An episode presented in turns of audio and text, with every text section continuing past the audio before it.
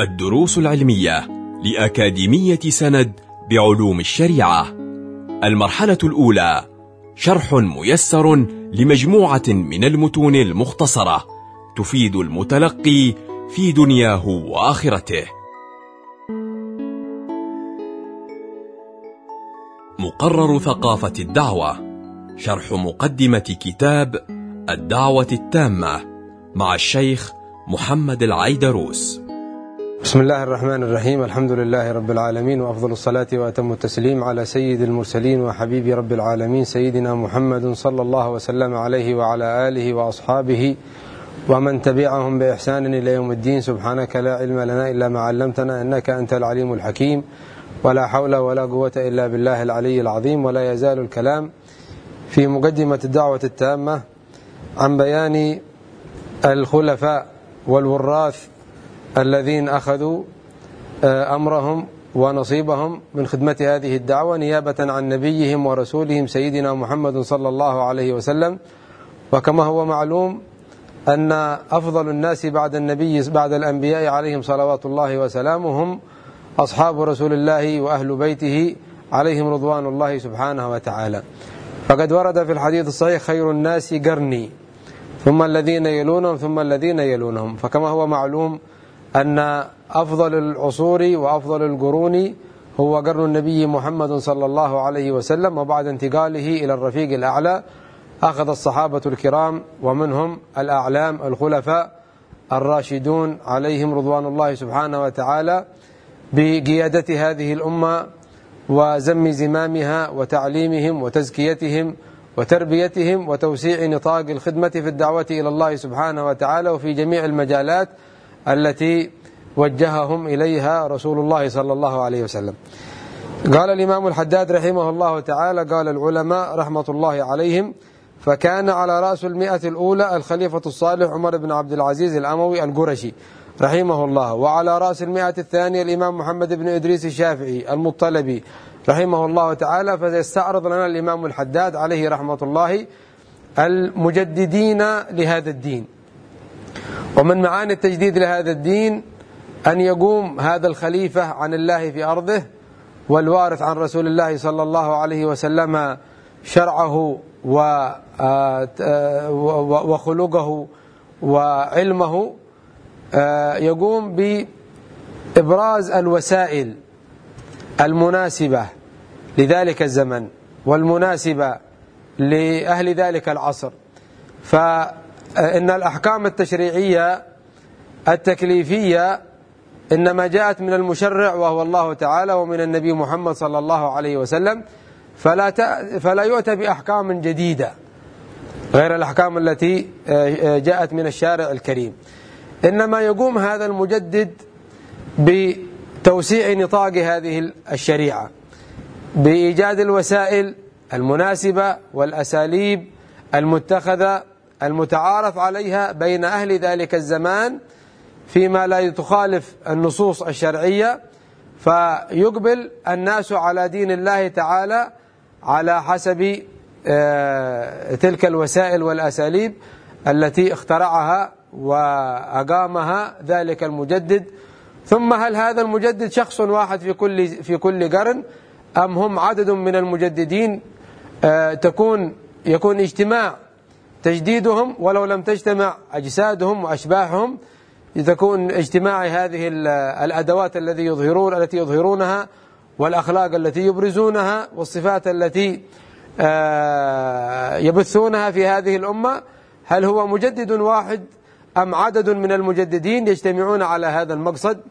فذكر لنا الإمام الحداد أفراد هؤلاء المجددين ثم ذكر القول الثاني وسنأتي إليه. على رأس المئة الأولى وهو القرن الثاني لأن القرن الأول هو قرن النبي محمد صلى الله عليه وسلم وقرن الخلفاء الراشدين. ذكر في القرن الثاني الذي كانت وفاة الخليفة الصالح سيدنا عمر بن عبد العزيز على رأس المئة الأولى في أولى سنة على رأس المئة الأولى وفي أولى سنوات المئة الثانية. فقد توفي رحمه الله تعالى في واحد ومئة من الهجرة بداية القرن الثاني. وهذا الإمام العظيم أعاد الخلافة أعاد الحكم على قواعد الخلافة الأولى على قواعد سيدنا أبي بكر وعمر وعثمان وعلي حتى انتشر في زمنه العدل بل كثر في زمنه الفضل. فكان يؤتى بالمال فيؤمر بأن يذهب به إلى المحتاجين من المسلمين فقراء كانوا أو مساكين أو غارمين أو أبناء سبيل أو غيرهم. فيقال أن هذا المال لا يوجد له من يطالب به من الأصناف التي ذكرها الله تعالى في كتابه. فيقول زوجوا به الفقراء زوجوا به الشباب زوجوا به البنات. فيقول قد أخذ هؤلاء الشباب حاجتهم من النكاح فلا يحتاجون إلى هذا المال. فاذهبوا به إلى الأوقاف. يقولون أن جميع الجهات كلها قد أخذت نصيبها من الوقف. فماذا نفعل بهذا المال؟ فقد توسع هذا المال واستبحر هذا المال حتى لم يجدوا من يحتاج إليه. فقال اشتروا بهذا المال الطعام وذروه ذروا هذا الطعام على رؤوس الجبال حتى لا يقال أن الوحوش والطيور جاءت في بلاد المسلمين. هذا نموذج من نماذج عدل هذا الإمام بل قالوا أن في زمنه لحسن نيته ولصدقه وورعه وقيامه بالخدمة صارت الذئاب ترعى مع الأغنام. هكذا يذكرون. وفي زمنه كان يلعب الأطفال بالحياة فلا تؤذيهم. وهذا خارق للعادة. ذكروا أن من عدل هذا الإمام ظهرت أشياء كثيرة في زمنه سيدنا عمر بن عبد العزيز توفي وعمره نيفا وثلاثين أي دون الأربعين. ثلاثة وثلاثين أو أربعة وثلاثين أو خمسة وثلاثين أو ستة وثلاثين أو سبع أو ثمان أو تسع وثلاثين. نعم. نقل كثير من العلماء أنه على رأس التسعة وثلاثين توفي أي دون الأربعين قبل أن يكمل التسعة وثلاثين توفي. عليه رحمة الله تعالى. فهذا جدد الله به أمر هذا الدين على رأس المئة الأولى من الهجرة.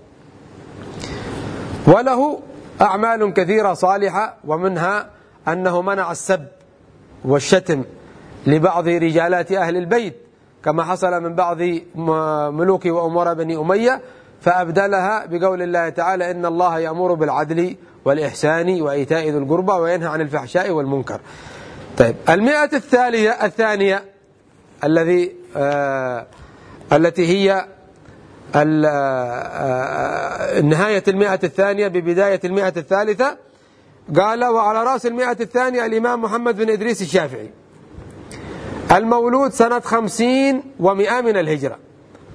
والمتوفى سنة أربع ومئتين من الهجرة الإمام محمد بن إدريس الشافعي عليه رحمة الله تعالى كانت له مكنة في العلم عظيمة فقد أخذ عن رجالات عصره في السنة التي توفي فيها الإمام أبو حنيفة خمسين ومائة من الهجرة ولد الإمام الشافعي فقيل غاب نجم وظهر نجم أخذ الإمام الشافعي عن الإمام مالك عن الإمام آه، خالد بن مسلم الزنجي وعدد من عدد من العلماء فكان هو مجدد للقرن الثاني من الهجرة كما ذكر الإمام الحداد. وعلى رأس المئة الثالثة الإمام ابن سريج الشافعي الملقب بالباز الأشهب.